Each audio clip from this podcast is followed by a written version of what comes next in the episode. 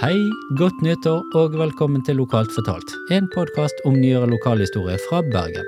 I denne årets første episode så skal du få bli bedre kjent med Bjørn Arvid Bagge, som er lokalhistoriker og formidler av bergensk lokalhistorie i mange formater.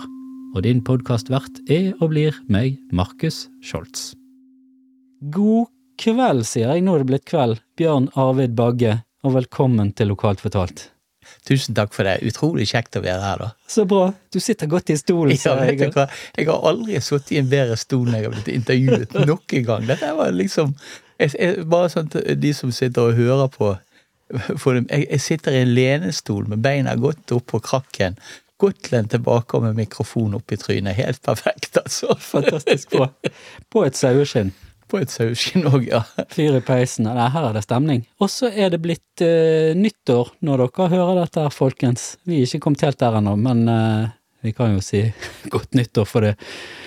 Bjørn Arvid Bagge, ja. Jeg uh, har alltid kalt deg Bjørn. Jeg. Vi er jo gamle kollegaer, ikke gamle, men vi er i hvert fall kollegaer fra en tid tilbake.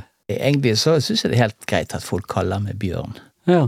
ja, for jeg har sett både at det står Bjørn Arvid uten og med bindestrek. Med, det var med bindestrek. Ja, sant. Det gikk jo min mor til For skolelærerne gikk i første klasse kalte meg for Bjørn, og det gikk jo selvfølgelig min mor. Så den sånn ordentlige striglemmerdammen så hun var ned til læreren og sa han heter ikke Bjørn, han heter Bjørn Arvid med bindestrek. Ja, nettopp. Og du som lærer, du burde vite bedre. ja, din mor var strilledame, ja.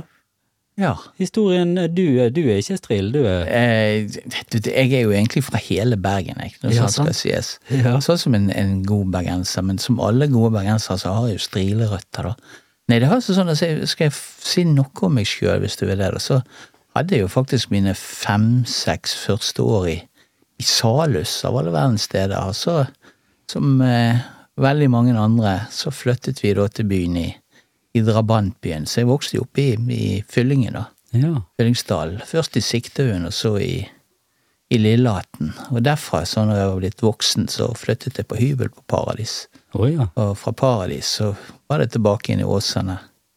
Så jeg har på en måte bodd litt sånn på kryss og tvers i, i byen med litt sånne små Ja, jeg så jo denne podkasten din. Jeg har ikke bodd 24 steder, men man har jo hatt noen gjesteopptredener forskjellige steder etter hvert. Men nå bor jeg på Mølland og egentlig liker det veldig godt. Ja. Kort vei til jobb? Ja, det, det er fem minutter. Ja, sant. For å være helt ærlig, jeg forsover meg utrolig mye mer. Eller ikke forsover, jeg bruker mye mer lengre tid og kommer meg seinere på jobb nå enn når jeg bodde på Tertnes i, i Åsane. Ikke herlig med fleksitid, da? jo, det ble for nært, rett og slett. ja. Trenger jo ikke ta bussen og sånn. Nei. Nei. Mer avslappet. Ja. ja, det er veldig bra at du er avslappet, for det er jo eh, sant, du, du, er avslappet, men du har allikevel en glød for Bergen og Bergens historie. Ja. ja det... Den kanskje veldig mange som hører nå på, kjenner deg fra med når du er enten på skriver i avisen artikler, eller du er på film og blir, går gatelangs, eller du forteller om ting fra spesialsamlinger. Alt dette skal vi komme litt inn på, men det er jo Hvor kommer den der Hva skjedde? Hvorfor fikk du sånn interesse for, for Bergen og formidle om historien? Egentlig så er det et ve veldig godt uh, sp spørsmål, Markus, så jeg har stilt meg det egentlig sjøl. Så, ja, så driver du og analyserer det litt, og så tenker du hva, hva skjedde egentlig? Nei, vet du hva jeg tror? Jeg hadde en far da, som var veldig opptatt av historie. Var veldig opptatt av, av å dra oss med på museer. At vi skulle lese litt. Eh, og, og, det har jeg på en måte dratt med meg eh, hele tiden. Det ligger kanskje litt i bunnen. Og så er det òg med at når du blir eldre, så er det det der at du òg på en måte kanskje føler at du har et behov for å kjenne litt til rødt røtter og røttene dine. Vi lever jo på en måte i en sånn tid som er jo litt sånn rotløs. Altså, alle har ikke bodd 24 steder, men det er på en måte litt representativt, da. At eh, folk flytter rundt, folk er mer rotløse enn de var før. Og dermed så, så, så har man kanskje behov for å finne noe røtter. Og lokalhistorie er jo en av de tingene som kan være med å gi oss en slags form for røtter. En slags form for tilhørighet. Ja, jeg må bare få lov til å bryte inn her litt, fordi at jeg føler for å forklare litt om de 24 stedene som Bjørn nevner at jeg har bodd på. Det stemmer på en prikk. Og eh, den podkasten han refererer til, det var en videoadventskalender som jeg laget til venner og kjente denne julen. Og den handlet om de 24 adressene jeg har hatt, der eh, tilnærmet alle var i Bergen. Ja, det er ganske vilt, men det var nå så, og det tenkte jeg å lage et nummer av, så det, derfor laget jeg den kalenderen. Så hver dag, eller hver uke om du vil, det var et nytt sted som jeg kunne besøke og fortelle om, der jeg fortalte om min tilknytning til stedet, hvor lenge jeg hadde bodd der og hva jeg opplevde og bla, bla, bla, litt sånn og sånn, men òg litt småhistoriske fakta der jeg fortalte om stedet eller omgivelsene og sånn. Litt av et prosjekt, veldig kjekt, anbefales, men uh, ja, sånn er det. Men nå eh, skal det jo for så vidt ikke handle om meg, denne episoden her, så jeg tenker vi bare går tilbake til å høre hva Bjørn har å. Jeg ville bare forklare sånn kjapt. Det er jo det de sier òg, altså. Folk over 50 blir jo interessert i lokalhistorie. Det, det, er et eller annet der som jeg ikke helt klarer å fange. På samme måte har du det faktisk med slektshistorie. De sier jo da at menn over 50 de blir interessert i slektshistorie. Eh, jeg vet ikke hvordan det er med kvinner, men dette har jeg bare diskutert med menn, så det kan jo være det, det samme med kvinner. Men, men, men, men, i hvert fall, det er noe med når man kommer over en viss alder noen har det hele livet, men når man kommer over en viss alder, så, så, så, er man litt interessert i å finne litt tilbake igjen til, til sine egne røtter, og hva som var før. Noen ser på gamle bilder. Ja, som du sier, det, det er sammensatt, egentlig, det hele. Det er det. Ja. Det veld, og det er veldig bra at du ikke har funnet ut av det helt ennå, for det tror jeg jo gjør at denne gløden bare ligger der. sant? Det er enda mer å finne ut av. Og, og det har jo, du var inne på at din far sa, ga dere, eller lærte dere på en måte lese litt i bøker og sånn, og du har jo masse bøker sjøl. Forfatter. Det var vel, begynte det kanskje med skriveting? For det med å lage videoer og lyd og sånn kom vel kanskje litt seinere, men du har en del bøker på ikke kalle det samvittigheten, men eh, du har nå laget en del bøker. Eh, skal vi se, én, to, tre, fire, fem, seks stykker har jeg skrevet opp her. Ja. Storpolitikk og intriger. Slaget på Vågen i Bergen i 1665. Det var den første? Ja, det var den første. Det var egentlig Husker du årstallet han kom? 2011 eh, eller 2012 var det vel egentlig. Ok. Når du blir veldig hektet på og opptatt av ting, så begynner du å grave. Altså, jeg tror at den boken var tenkt som en artikkel, for før den så hadde jeg skrevet en del lokalhistoriske artikler og sånn. Jeg har det der med at når jeg først begynner på noe, så blir det gjerne sånn at jeg vil finne ut mer. Så ender det med at du snur jo hver eneste stein fordi at du vil finne ut hva egentlig som skjedde. Ja. Jeg ble så nysgjerrig egentlig på hva var det som førte til slaget på Vågen. Og så ble jeg òg like nysgjerrig når jeg har funnet det ut på hva som var følgen av slaget på Vågen. Og det som er greien her, er jo at boken den handler jo mye mer om storpolitikken som førte frem til slaget på Vågen, som det, førte, som det var selve de tingene som skjedde i Bergen. Og det handler jo like mye om hva som skjedde etterpå. Hvis vi går inn på den, så har vi egentlig en hel podkast for oss sjøl. Vi kan jo bare si det sånn at det var, det var, krig i Europa, og eh, det ble et slag mellom hollenderne og engelskmennene i Bergen. Okay. Og, eh, og eh, engelskmennene de prøvde å erobre hollandske skip i Bergen. Og så ble de da kjeppjagd. Men denne historien den stjeler vi kan, vi kan lage en podkast om det en annen gang, hvis du har lyst til det. Ja, det For det er en hel uh, ting for seg sjøl, men, men da risikerer vi å bruke en time på det. Ja, og, så er det noe med at eh, sant, du er på, for det er litt interessant, for du er på, du graver i historien langt der bakke. Sant? Mens, ja. mens denne her eh, som vi snakker om nå, det er liksom den nyere historien. Så mm. vi snakket litt om det i sted før vi begynte her òg, at vi er litt parallelle. Sant? Samme utgangspunkt og samme interesse og nysgjerrighet og sånn, men du graver i den eldre historien, jeg graver litt i den nye. Og, men hva var det som gjorde at du på en måte, har du, har du noe tids... altså Kan du snakke om 1400-tallet, 1200-tallet, 1800-, 1900 Har du tenkt på noe? Har du begrenset deg, eller ikke? Ja, på en måte så har jeg begrenset meg. Egentlig så, så Uten at jeg helt vet hvorfor. Men det aller meste det, det på jeg har skrevet, det er egentlig fra 1600-tallet utover. Ja. 1600- og 1700-tallet har jeg alltid vært grådig nysgjerrig på. For det, det som er før det vet vi jo egentlig så lite om, bortsett fra, fra historiske kilder som, som eh, Altså, det er veldig lite skriftlig materiale, men når du kommer på slutten av 1600-tallet, utover på 1700-tallet, så er det på en måte mer kilder du kan forholde deg til. Vi snakker jo på en måte andre, nesten andre universer enn det vi lever i dag. Hvordan de tenkte, og hvordan de levde, og hva som styrte de. For eksempel religion, som i dag vi har et veldig fjernt forhold til. Det, det var jo en selvsagt del av alt de gjorde. Overtro og den type ting på 1600-tallet. Mindre utover på 1700-tallet, kanskje. Altså, vi snakker om helt forskjellige verdener av det vi lever i dag. Men, men jeg er jo like mye interessert i ting som skjer på 1800-tallet. Altså overgangen fra 1700- til 1800-tallet i Bergen uh, syns jeg er jo utrolig fascinerende. Men likevel, så jeg har jo skrevet bøker om ting som skjer mye etter den tid, og når jeg skriver for avisen, så skriver jeg jo liksom fra 1600-tallet og helt frem til i dag. Men det vil si, det synes jeg, noe av det jeg syns aller mest fascinerende, er jo Bergen rundt år 1800. Slutten av 1700-tallet så er det jo, er jo Bergen et sånn handelsby, kosmopolitisk by med veldig mye handel, og veldig mange som bor her som ikke nødvendigvis kommer herfra. En sånn smeltedigel på mange vis. De som er rik, har uendelig mye, og de som har lite, de har veldig lite.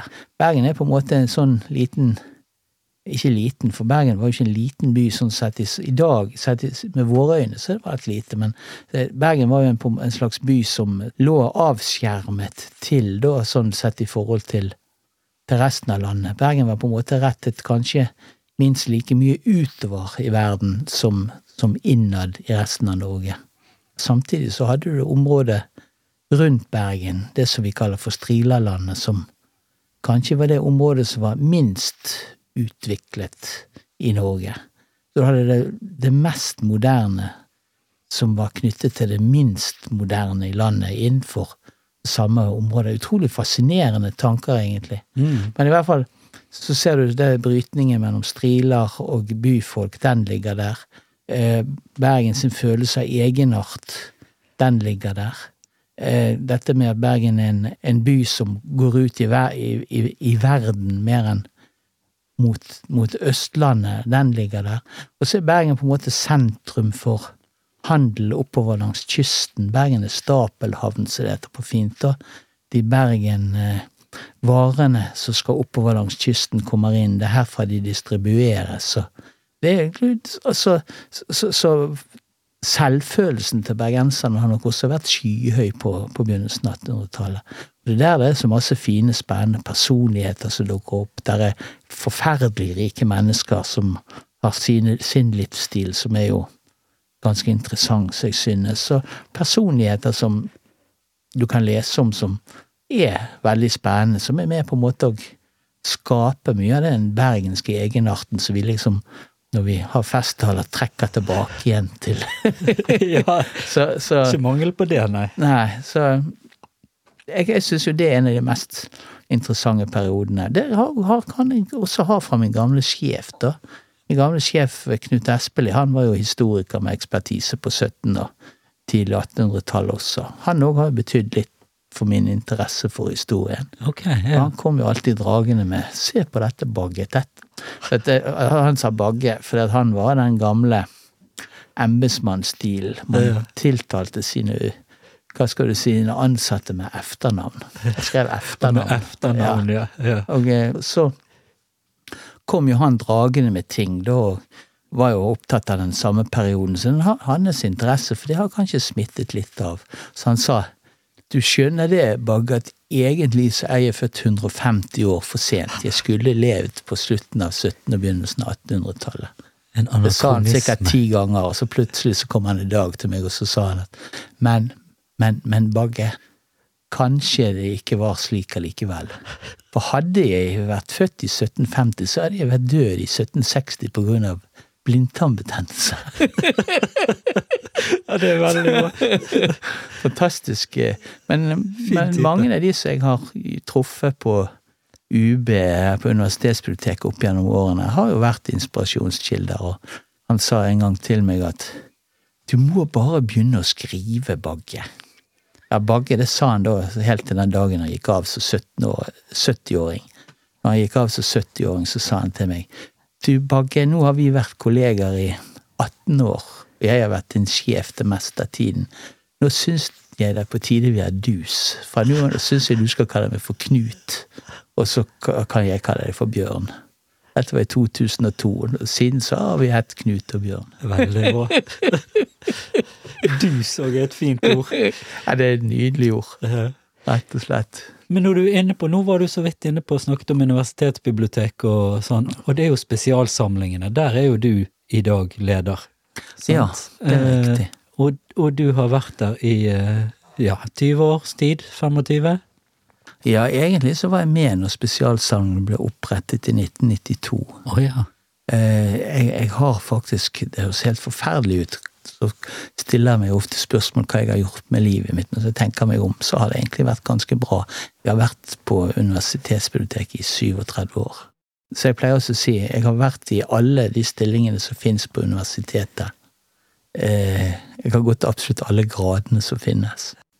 Og i, i dag så er jeg seksjonsleder da, for spesialsamlingene. Ja. Og det er jo noe som har endret seg mye. Seksjons for spesialsamlinger var jo fem stykker når jeg begynte der. Nå er det vel Jeg tror, tror vi er mellom 35 og 40 stykker som jobber der i dag. Yes. I dag er jo det en helt annen virkelighet. Billedsamling Ja, og Skeivt arkiv og. Ja, riktig. Og de nasjonale språksamlingene, det er faktisk hos oss eh, de norske ordbøkene blir laget. Så det er en spennende arbeidsplass, da. Ja, sant? Så ting har jo på en måte endret seg. Biblioteket var jo et bibliotek hvor du lånte ut bøker før. I dag er jo bibliotek, universitetsbiblioteket noe helt annet og mye mer. Og mye av det er jo det som jeg har jobbet med opp gjennom årene. Når det kommer til hjertet mitt, så er det jo de gamle tingene som ligger nært hjertet. Og det å kunne gå i et arkiv og finne frem en, eh, et gammelt manuskript, eller finne en gammel bok som handler om noe du er interessert i, som kan være skrevet for 150 år siden. Det å ha den muligheten er jo fantastisk. Ja, også det at du har så lyst til å dele det med noen. Ja, Og, det henger litt i sammen. Altså, jeg har alltid vært veldig nysgjerrig på ting. og hva skjedde med Hvorfor boblet du over og ville gi det til oss der ute? Hva skjedde? Det var i 2017, var ikke det det begynte å Ja, skje noe når du gikk ned i kjelleren ja der? det, det, det, er ikke helt riktig, Markus, Ja, men, men, men det, det er litt riktig. Ja. Det, det har seg sånn at, ja, det har seg sånn at jeg eh, fortalte deg om min gamle sjef som gjerne ville eh, Så sa jeg at jeg måtte begynne å skrive. Når jeg først har fått noe på trykk, så vil jeg aldri slutte å skrive. Så det gjorde jo òg. Jeg, jeg skrev vel noen sånne lokalhistoriske artikler i 2006, 5, 6, 7. Og så, eh, på si, så, sa, så begynte jeg å skrive bøker noen år seinere. Og så, eh, så sa UB forandret seg. Vi, vi fikk flere nye faglige enheter knyttet til spesialsamlingene. Og blant annet så kom der en som var veldig flink med, med TV-bakgrunn, eh, som kom til Skeivt arkiv, da Jo, jo Gjelle. Og han sa ja, men kan ikke du fortelle litt, og så kan, kan jeg filme deg? Fortell litt om de der gamle tingene som vi har. Så gjorde vi det, da, og så film, tok vi én sånn film. Eh, Jeg var, husker jeg var jo så drita nervøs når jeg sto med sånne der kamera oppi ansiktet. Eh, Men, men vi spilte inn den, og så tenkte jeg ok, er det noen hundre stykker som ser på det, så er vi jo fornøyd. Og så plutselig så var det jo da det var 12 000-13 000 stykker som så det i løpet av noen uker, så skjønte vi, vi skjønte jo ingenting av det i det hele tatt. Plutselig så ser vi at det, Men dette er jo ting som folk er interessert i. Vi har jo alltid visst at bergensere er interessert i lokalhistorie, men ikke at det var så enorm interesse. Men det merker vel du òg, Markus, med det du holder på med, eller? Jeg Gjør det. Ja, jeg er jo et offer for det sjøl. Ja. Rett og slett blitt uh, bikket en viss alder, og så plutselig måtte jeg jo begynne å lage lokalhistorie på et eller annet vis. Men det var jo det jeg sa, at det var, så parallelløpet var jo at jeg har den nyere. sant? Jeg sitter og kan snakke med de som uh, har opplevd det sjøl, gjerne, og på en måte grave i de kildene. ja.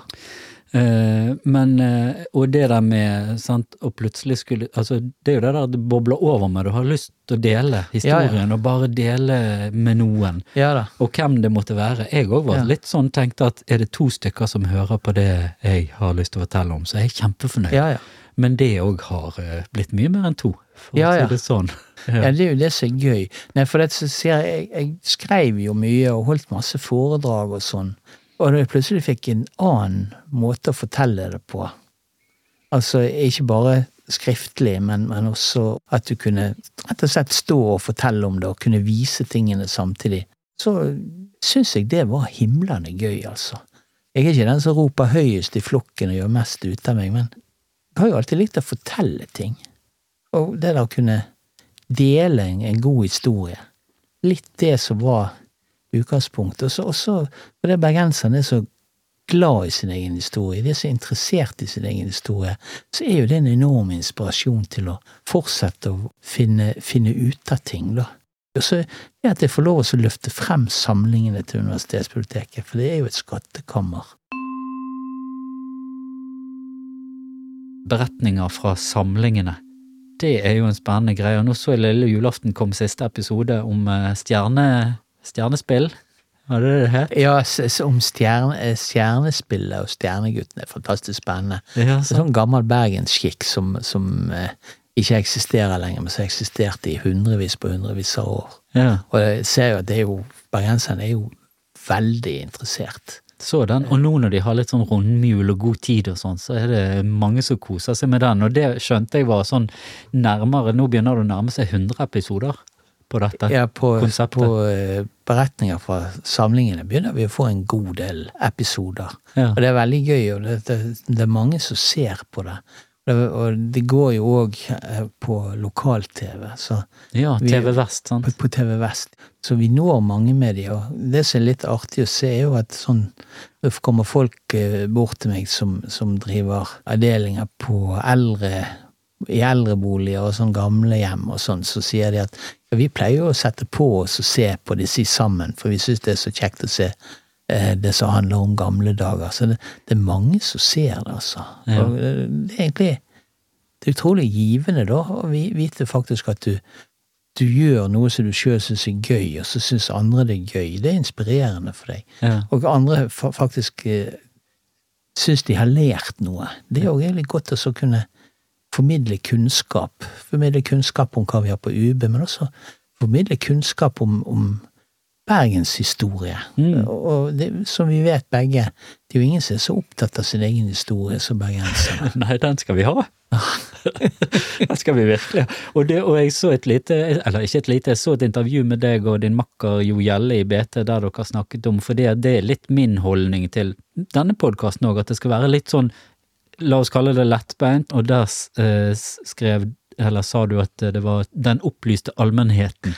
Det var litt uh, tanken. den opplyste allmuen, som min gamle sjef som vi snakket om i sted. Det, Ja. det, det, det er litt det vi Vi vil fortelle historier, vi vil vekke historieinteressen. Mm. Men ikke nødvendigvis for de med, bare de med doktorgrad og hovedfag, men, eller master som det heter i dag, men, men også blant folk flest. Lyst til så at folk flest skal bli interessert i, i vår egen historie, for det er jo en del av oss sjøl. Ja, veldig mye av det. Og så fortelle på en sånn måte at det blir en, en slags underholdningsverdi Ja òg, sant? Ja. At det er litt levende og Ja. Det jo fra hjertet. Ja, det er det som Det var en som sa til meg, eh, jeg skal, jeg skal ikke nevne navnet på professoren, at, at eh, eh, historie Du skal ikke ødelegge en god historie bare med fakta. Nei, det er veldig bra. Ja. Skal være litt å lure på. For litt- historie er jo faktisk Kan faktisk være veldig god underholdning. Ja, og litt det der med å kjenne seg igjen i, sant? Ja. og det der å finne, sant? som du sa, at vi er alle vi er glad i å være bergensere, og vi er Mm. glad i oss sjøl og sånn som det der. Og det der å finne litt det der røttene, den der kollektive, ja. Det Ja. blir bare mer og mer viktig. Og så er det så utrolig deilig at noen bobler over og gjør noe med det, og spesielt som har tilgang, de tilgangene du har til materiale Ja. og kildemateriale. Og disse spesialsamlingene og UB har jo òg flere sånne, jeg har skjønt hun Klara Sjo, Ja, holder har orden på ord. Holder så orden på ord, ja. Den er veldig artig. Sånn to minutter der man forklarer rett og slett ord som gjerne man lurer litt på. Hva er det? Og så forklart på en fin måte. Ja, så utfordrer vi også universitetet sine egne forskere. Ja. Eh, Det har vi kalt for spesialutfordringen. Det er rett og slett at forskerne skal fortelle om en gjenstand eh, knyttet til sitt fagfelt, og fra spesialsamlingene. Ja. Og eh, noen av de er jo blitt enormt mye sett og populære. Og de er utfordringen fordi den er jo todelt, da. Den er jo for det første at de skal snakke om noe fra spesialsamlingene. Og for det andre at de skal gjøre det på under tre minutter. Det er ikke de vant til. Nei, det, det var dine ord, men du har et poeng. Så det, det syns jo jeg på å si Den òg har jo slått veldig godt an. Vi har jo enkeltepisoder der som har vært sett 32 000 ganger. ja, sant. Så, så Og jeg syns vi alle godt av å lære noe nytt. Det er sant. Ja. Spesielt selvfølgelig om Bergen, men, men sånn ellers òg.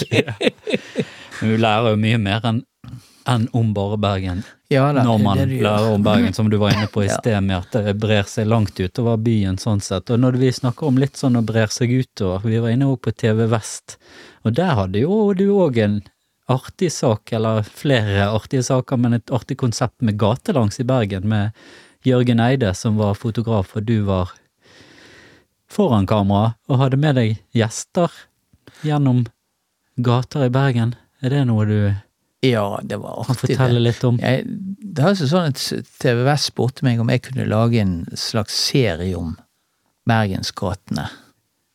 Og så sa jeg ja, det kan jeg godt gjøre, men det hadde jo vært veldig gøy å gjøre dette på en måte sånn at eh, det ikke bare er meg som står og preiker. Altså, nå har jo jeg gjort det så de mange ganger sjøl.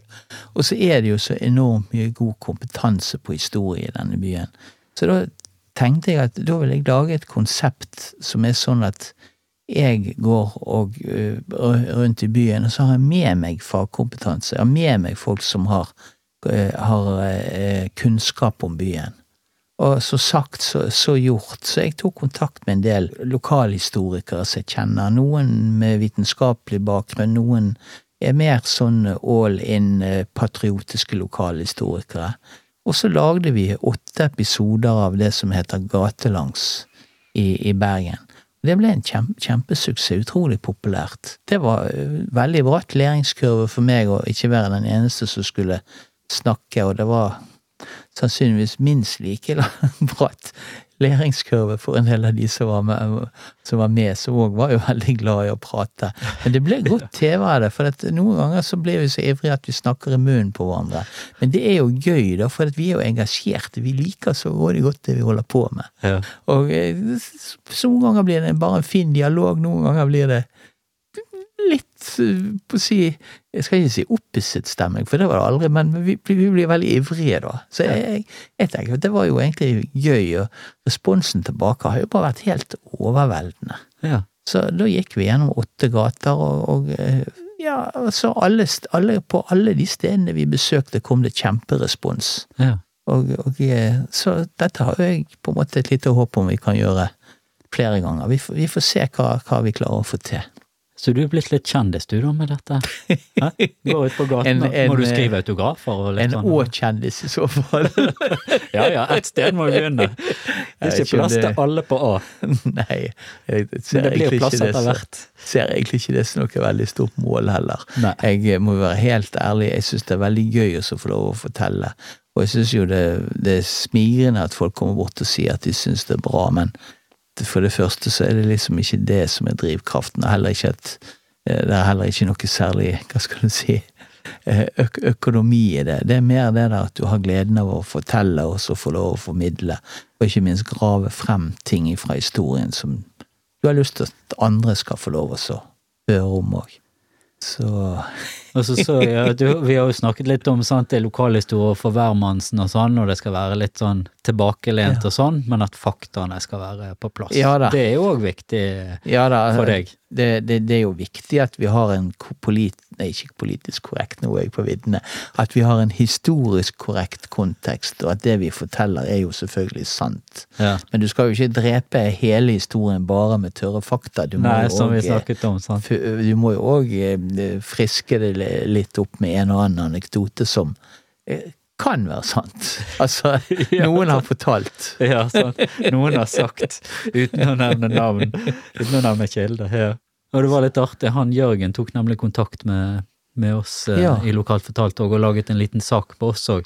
Ja, Så stilig. det var Ja, så flink han. Absolutt Flink veldig. og hyggelig. Ja, Ja. veldig. Og det er jo òg så gøy med dette, sant? når man begynner bare med noe fordi at det bobler opp en interesse, hvor mange kjekke og hyggelige og flinke folk man møter på sin vei i dette Ja. her. sant? Så, Helt enig. Jeg har ennå ikke truffet et menneske som er ikke hyggelig. nei, sant? Ja, og da har vi noen labber rundt her i snart sju-åtte år. Ja. Så, så Og eh, når du er ute, sant, du er ute gatelangs, og så har du vært på spesialsamling skrevet i avisen og sånn, men du driver jo litt òg med for, Litt, men du har drevet mye med foredrag òg. Kanskje driver med fremdeles, men du har vært på akademisk lunsj på Vaksdal, for eksempel, Nasjonale Scene, Bergen historiske festival, som vi var sammen på. Der hadde du en gatevandring, sant, bare folk var med, og hvordan er det? Reise rundt og ha foredrag og Ja, for helt ærlig, jeg gjorde det veldig mye mer før. Og det, det er veldig gøy, men for min del, for å være helt ærlig, så er det noe med tiden. Altså Du skal jo forberede ting, du skal jo lage et godt produkt til folk, og det, du bruker jo tid, så, så det, det er blitt egentlig litt mindre foredrag. Men jeg er jo litt sånn stolt. Jeg har jo holdt foredrag for kongen, for eksempel. Oi. Holdt foredrag for forskjellige ministre. og Ja. så, så det er jo egentlig litt sånn stas, da, at, at eh, jeg har fått lov til å gjøre, gjøre den type ting. Egentlig så, så blir det mindre. Så jeg har alltid dårlig samvittighet for det, men jeg sier egentlig nei for en stor del til å holde foredrag, for jeg har ikke tid. Nei. At jeg har en jobb som er relativt travel, og veldig mange ting som skal gjøres. Og så har jeg, ved siden av jobben, har jeg det at jeg gjerne skal skrive for avisen, og ved siden av jobben så skriver jeg filmmanus. Altså, det er hobbyen min. Når det gjelder eh, sånn som avisartikler, så har jeg ofte samskrevet med kjæresten min Gina. Og det har jo vært veldig kjekt. Da har vi kunnet kaste ball, og hun har kommet med noen innspill og sånn. Det har vært lettere også å holde eh, tak i, i spalten når jeg har hatt det som travlest. Ja, for det er Bergens Tidende du Det, skriver det er for? Bergens Tidende. Nå snakker vi om Bergens? Tidende. Ja.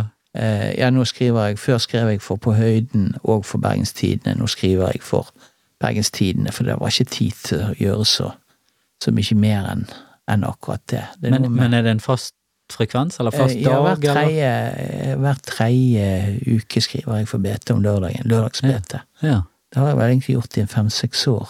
Mm. Så det er veldig gøy. Det er det. Og veldig god respons på det. ja. Igjen, folk er veldig nysgjerrige og syns det er kjekt å få lov å uh, Ja, de, de kommer masse tilbakemeldinger, for å si det sånn. Ja, ja. Det er egentlig Det er veldig fint. Jeg oppdaget jo personlig min egen uh, oldefars uh, historie gjennom Fikk mye nytt fra den artikkelen du skrev der for noen måneder siden. ja Skjolds-familien, ja. Ja. Ja, vet du hva, denne filmen vi laget om din eh, oldefar, den, den ble en kjempesuksess. Vi har per dags dato nesten 50 000 som har sett den. Den, den, den slo jo virkelig an. Ja. Det er jo en av En av fire bergensere, det er nesten. Ja. Så, I hvert fall en av fem. Ja. Så, så ja.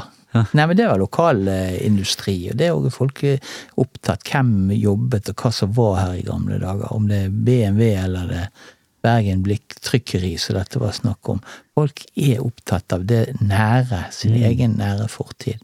Dette var igjen litt sånn mer moderne historie. ja.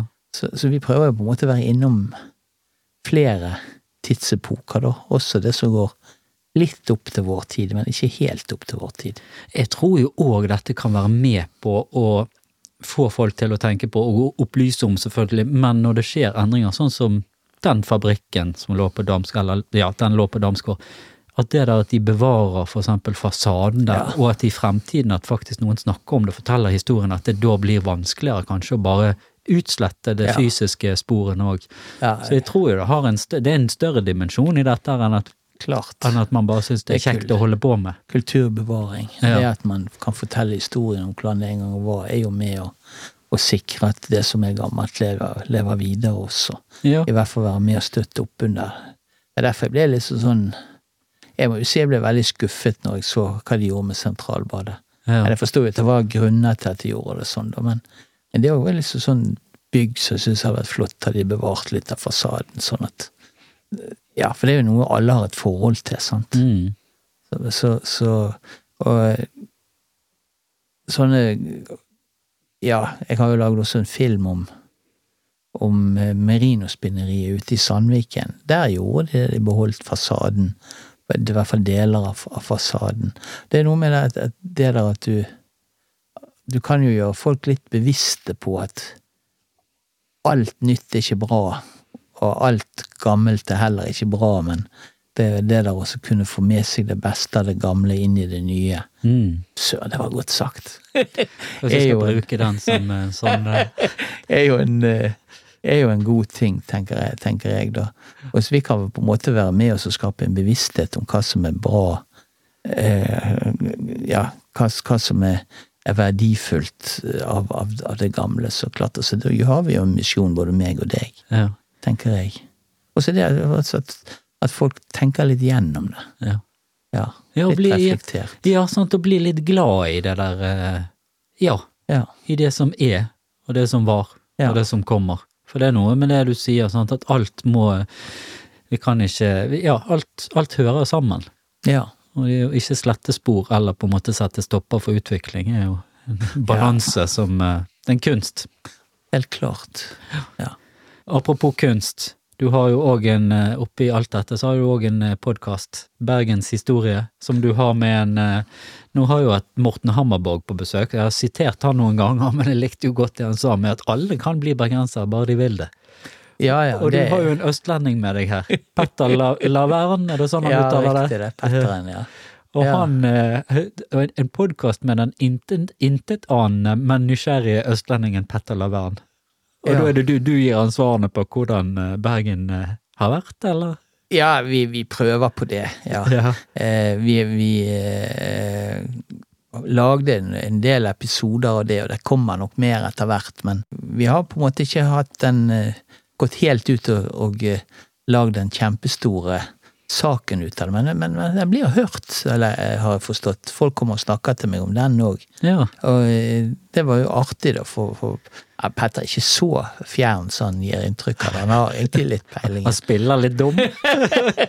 Men, men det, ble, det, det ble en eh, det, var en artig sak også å gjøre det òg. Ja. Så det er jo egentlig Men det er mer en sånn ti minutters kvarters Ja, eh, det greie, det, sant? det, det som er greien, og så går Ja. han som podkast etterpå. Ja. Så den ligger jo på Spotify for de som er interessert i å gå inn og så høre på det, da. ja. Så, så eh, Jeg husker ikke, vi spilte vi inn en 15-20 episoder, og så eh, føler vi litt på det, så det kommer sikkert mer etter hvert der, Mm. tenker jeg. ja. For det var, den gikk, går som radioprogram først. Den gikk som radioprogram først, og så som podkast Mm. på Spotify etterpå. Ja.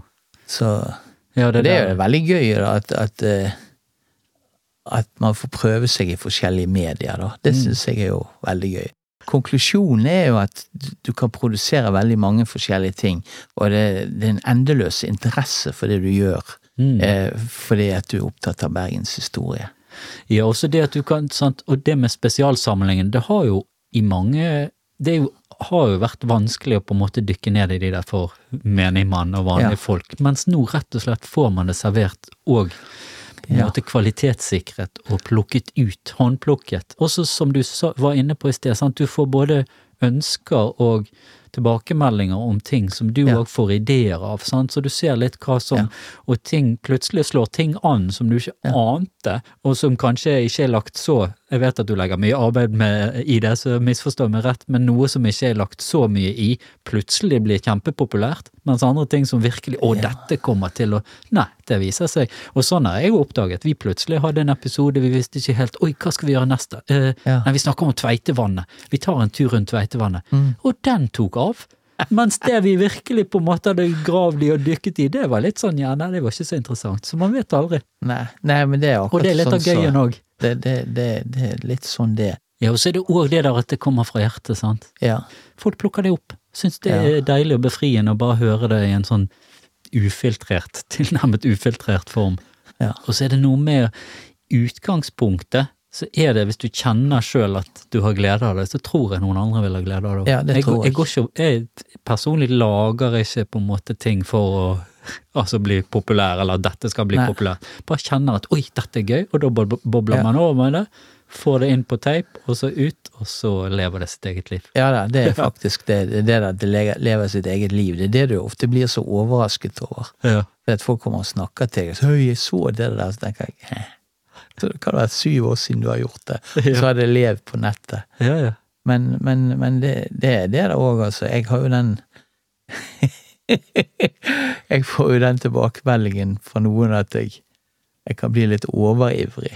For det blir jo da, for det blir jo litt revet med, og så glemmer jeg meg. Så begynner jeg å veive med armene, og, og, og er bare liksom så, så på. Noen syns at det er veldig kjekt, andre syns at å, det er han der som veiver sånn med armene. Men jeg glemmer meg jo for faen. Jeg, jeg glemmer meg jo da, vet du. Jeg lover å få litt sånn inn i og, lever meg litt, litt, litt inn i det. Og det er jo på en måte Det må jo være bedre det at folk lever seg litt inn i det. Så sier vi bergensere skal jo på en måte være Norges italienere. Ja, sant. De, de får bare snuse litt vekk hvis det blir for mye veiving. Eller skru Bare ha på lyden. Det er liksom sånn Ja, det, det er mange reaksjoner, da. Det var det jeg egentlig prøvde å si. Og Ja. noen, noen så Jeg kan ikke være annet enn meg sjøl. Nei. Nei.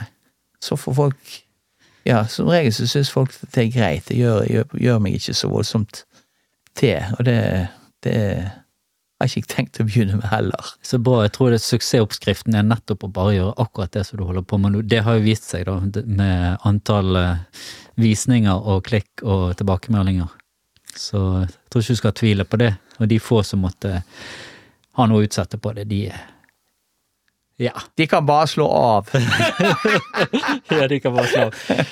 Nei da, det blir aldri Man vil aldri bli eh, treffe hos absolutt alle. Nei. Sånn er det. Men jeg eh, syns uansett at det skal bare holde det sånn som vi gjør det, og sånn Ja. som du gjør det.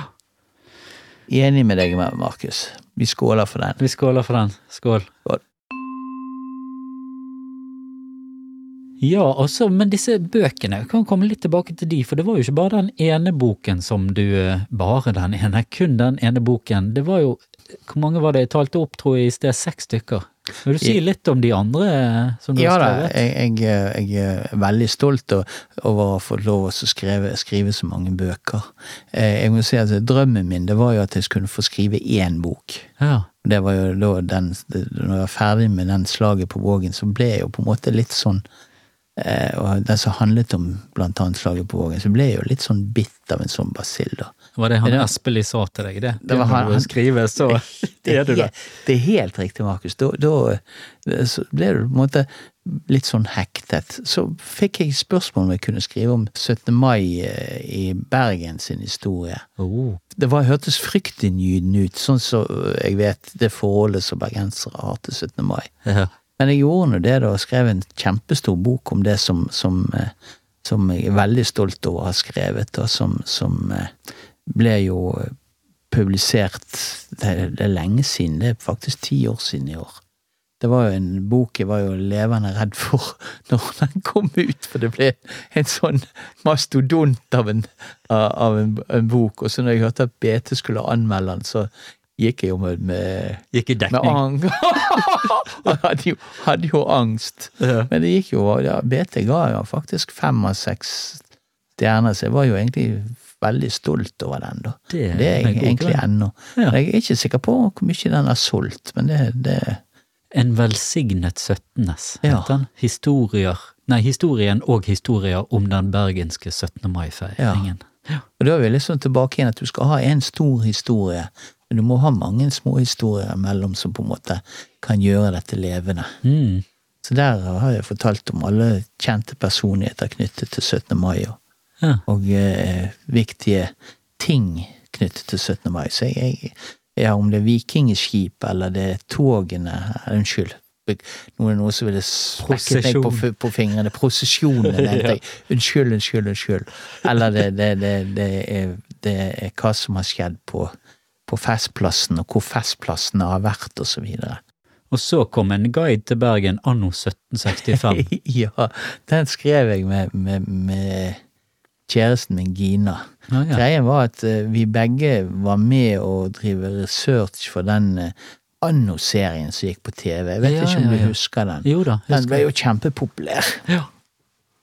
Og så eh, hjalp vi de litt med kilder, jeg på min side, hun jobber på Statsarkivet på sin side. Ah, ja. Og så, når vi hadde gjort det, så hadde vi egentlig så mye kunnskap om Bergen i 1765 at vi tenkte ja, men dette må vi jo bare lage en bok ut av. ja. Hun er jo forfatter, da, og hun òg, så, så, så Gina så, Dahl. ja, Gina Dahl, ja. Ja. Egentlig ideen til denne boken var jo egentlig at vi sto i, i en bokhandel i, i Cambridge i England, så så at det fantes veldig mange sånne guidebøker. Eh, London i, i 1666 og, Å, ja. og eh, eh, si Oxford i 17, eller 1800 eller noe sånt. Tenkte, dette må vi kunne gjøre, bruke all den kunnskapen vi har om Bergen til å skrive en egen bok om. Så gøy, da. Så, og så jo, plukket vi frem det vi hadde, så ble det da den guide til Bergen i 1765. Veldig bra. Ja, veldig gøy, rett og gøy at det bare oppstår plutselig en sånn ja, Ja. historien Ja. bak det. Det som var greien der, var at vi prøvde å, å late som om dette var en reiseguide. Eh, Hvis du skulle til Bergen i 1765, hva trengte du å vite? Ja, Så følte fulgte vi det som var i en reiseguide. altså du trengte, Der og der kunne du bo, det og det måtte du være forsiktig med, det og det kunne du la deg underholde med. Ja. Og det og det var på en måte litt historikken til Bergen frem til 1765. Ganske, det var veldig gøy Ja, å gjøre, rett og slett. Ja. Ja. Og så kom strilekrigen i 1765. Nei, jo. Jo, det er samme året. Samme året, ja. Om ville striler og rabiate bergensere. ja. Og da var vi på en måte inne i det årstallet. Dere var i flyten, dere, Ja. da. Men, men, men det var jo det at det årstallet Det var jo 250-årsjubileum for strilekrigen i 2015. Og da hadde vi jo enormt mye kunnskap om det året. Og så var det at både Gina og jeg har jo strileblod i årene, da, sånn som de aller fleste bergensere. Og da, da jobbet vi med den, og det husker jeg det var fantastisk gøy å skrive. Og vi fant jo veldig mye eh, opplysninger som ingen andre hadde visst om eller lest om. Vi gikk gjennom alle arkiver som gikk an å gå gjennom, og snudde hver eneste stein. Og, og det ble, en, det ble en, en bok som jeg er veldig glad for at vi gjorde. Og vi fant jo ut at strilekrigen, det var egentlig ikke bare en strilekrig, det var like mye en Altså, bare for å si hva strilekrigen kort var, det var et skatteopprør som ble oppkalt etter strilene og ble kalt for strilekrigen, fordi at nesten 2500 striler kom til Bergen og protesterte mot skattetrykket. Oh, ja. Og eh, det var det man trodde var historien, men når vi gikk etter i historien, så viste det seg at det var jo minst like mange bergensere som var med.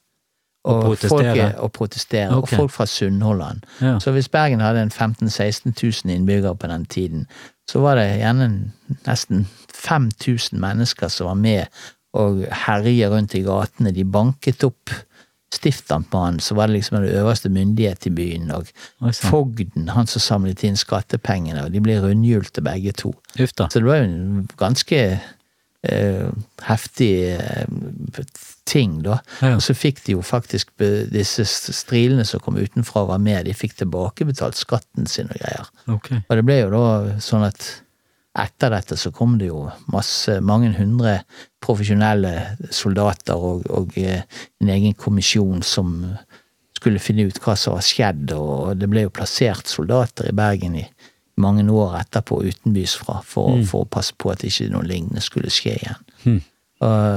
Strilekrigen, det var et, en, et, en krig hvor, eller et opprør hvor både bergenserne og strilene samlet seg i et felles opprør mot myndighetene fordi at de ikke ville betale skatt. Ja.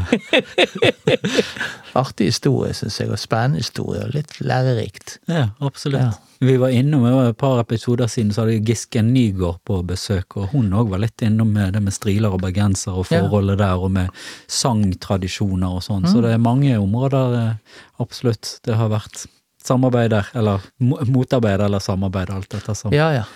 Men så kom vi til uh, bergensfortellinger. Del én og del to, eller det var bergensfortellinger, og så hadde du enda flere fortellinger å fortelle, så det ble to bøker. ja.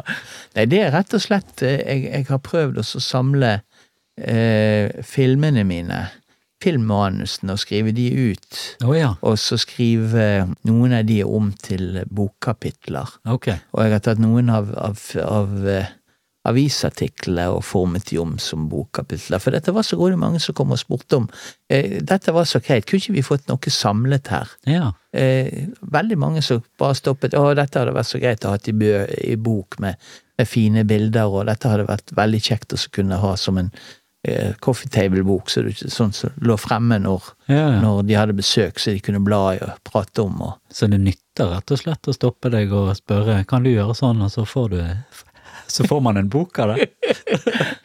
Eller et Ja. foredrag. foredrag. ja, det bare tuller. få sikkert et foredrag òg, ja. Der og da, sant. På stedet. Der og da, ja. Ja. ja. Du har funnet en greie her, du. Jeg har funnet en greie som betyr litt for meg å få lov til å gjøre. Og når jeg da får tilbakemeldinger fra veldig veldig mange bergensere at det betyr noe for de òg, så, så, så Og at jeg klarer også å formidle ny kunnskap. Ja. Ja, egentlig noen ganger gammel kunnskap på ny måte òg, så, så syns jo det er faktisk fantastisk flott å få lov til. ja. Og det syns vi òg. Jeg snakker på vegne av alle bergensere nå, inkludert meg sjøl Ja, og mine venner. kjekt å høre, Markus. Og veldig, veldig kjekt å få deg på besøk og i studio og fortelle om dette. Dette har vi, vi, har, har, vi har prøvd eh, noen måneder å få det til, og nå endelig så fant vi en eh, luke. Så det var helt supert. Ja, dette er jo romjuls, eh, romjulskos. Romjulskos. Så, så vi avslører nå at vi spiller det inn i romjulen, men den kommer over nyttår, så vi får si godt nyttår når den tid kommer. Ja. Så jeg vil rett og slett si tusen takk for at du tok deg tid og ville prate og fortelle og dele ting. Og så eh, er det veldig kjekt å vite at det kommer masse mer fra deg fremover. Masse planer. Skal ikke ja, avsløre de nå, da, men eh, Ja, ja, det gjør det, og jeg må bare få si tusen takk for at jeg fikk lov å komme, Markus. Det var veldig hyggelig. så bra. Så, ja, så sier jeg godt nyttår til alle. Og fra meg òg. Takk for nå da, Bjørn. Ha det, ja. Ha det fint. Ja, da gjenstår det å takke for denne gang, og takke for lytten. Og så vil jeg òg si tusen takk til Ståle, som har vært med i Lokalt fortalt siden i fjor vinter. Vi går to forskjellige veier nå, men eh, tusen takk for alt det gøye vi har opplevd og fått laget episoder om. Og ikke minst å bli bedre kjent med deg og den fine familien din. Og ja, apropos familien din, selvsagt takk til din kone òg, og lyddame Kristine. Jeg kommer til å fortsette å lage og gi ut episoder, så lokalt fortalt, det blir det, tvil ikke på det. Så må alle ha det bra så lenge, og vi høres snart igjen.